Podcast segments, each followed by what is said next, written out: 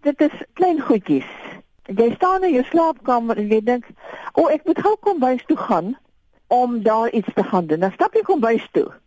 Dan kom jy in die kombuis en dink jy nou, "Hoekom is ek hier? Waarom moet ek nou hier dan dan moet jy nou dan sit 'n gesukkel om agter te kom waarom moet jy nou kom bys toe? Dit is so eenvoudig soos dit.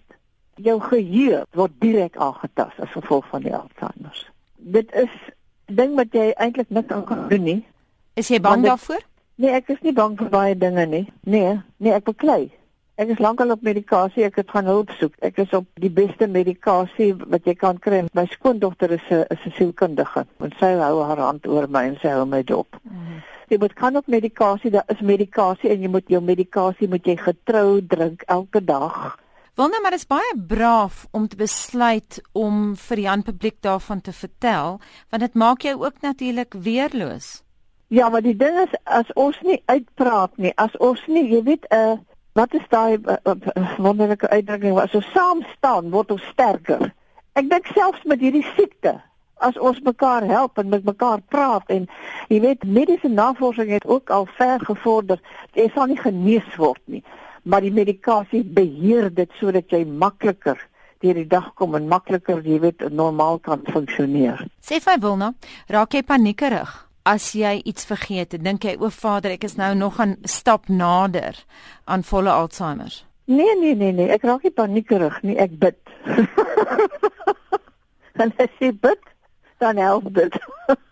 Maar nou 'n feit van die lewe is.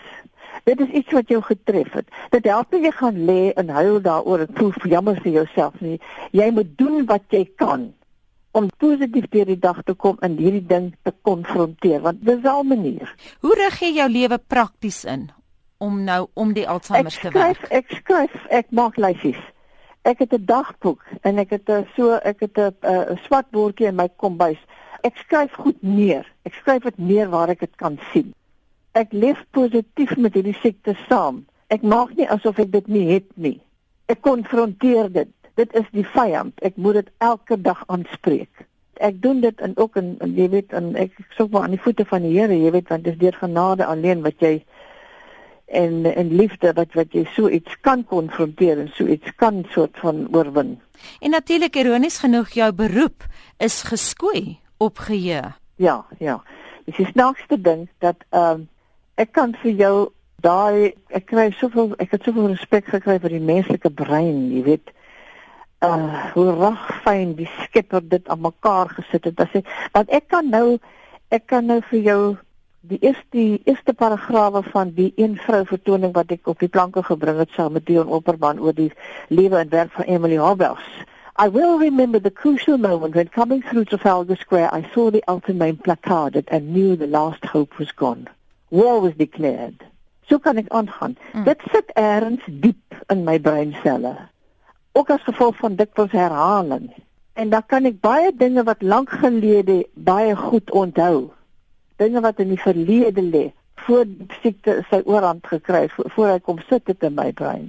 Moenie my vra wat gister gebeur het nie. Ek moet nou eers 'n bietjie dink. O ja, gister het ek gery. Ek het gekom van ek het gery van Durban wel af as teruggekom hier na toe. O ja, ek het langs die pad ook stil gehou by padstal om koffie te drink. Ja. Ehm um, ek maak maar lysies, jy weet, en ek probeer om positief te leef. Met kanker het ek dieselfde ding gedoen. Jy moet 'n positiewe aanslag ontwikkel, anders sal jy jou vernietig. Hoe hanteer jou kollegas en jou vriende dit? Met liefde. My skoondogter is 'n sielkundige en sy hou my medikasie dop. Uh, verder lief jy maar van dag tot dag en jy leef positief en jy leef in die genade van die Here. Gaan jy aanhou werk? Ek het eintlik opgehou, maar ek werk nog, maar jy weet ek werk op 'n kleiner skaal. Ek doen nog my um, as mense my vra die motiveringspraatjies want uh, dit het ek alles op my uh, my notas het ek altyd.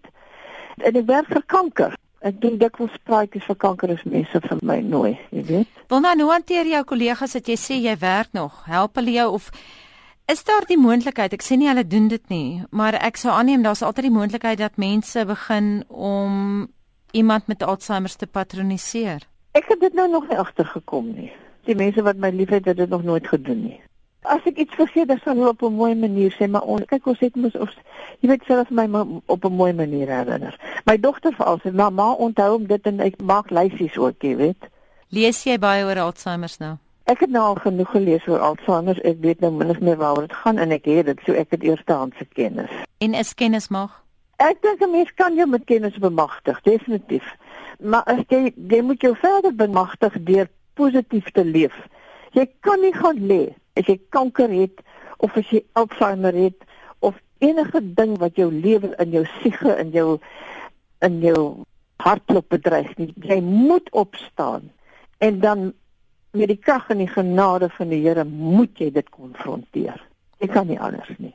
As jy nie opstaan en dit konfronteer nie met mag en krag en in geloof nie, dan gaan jy nêrens kom nie.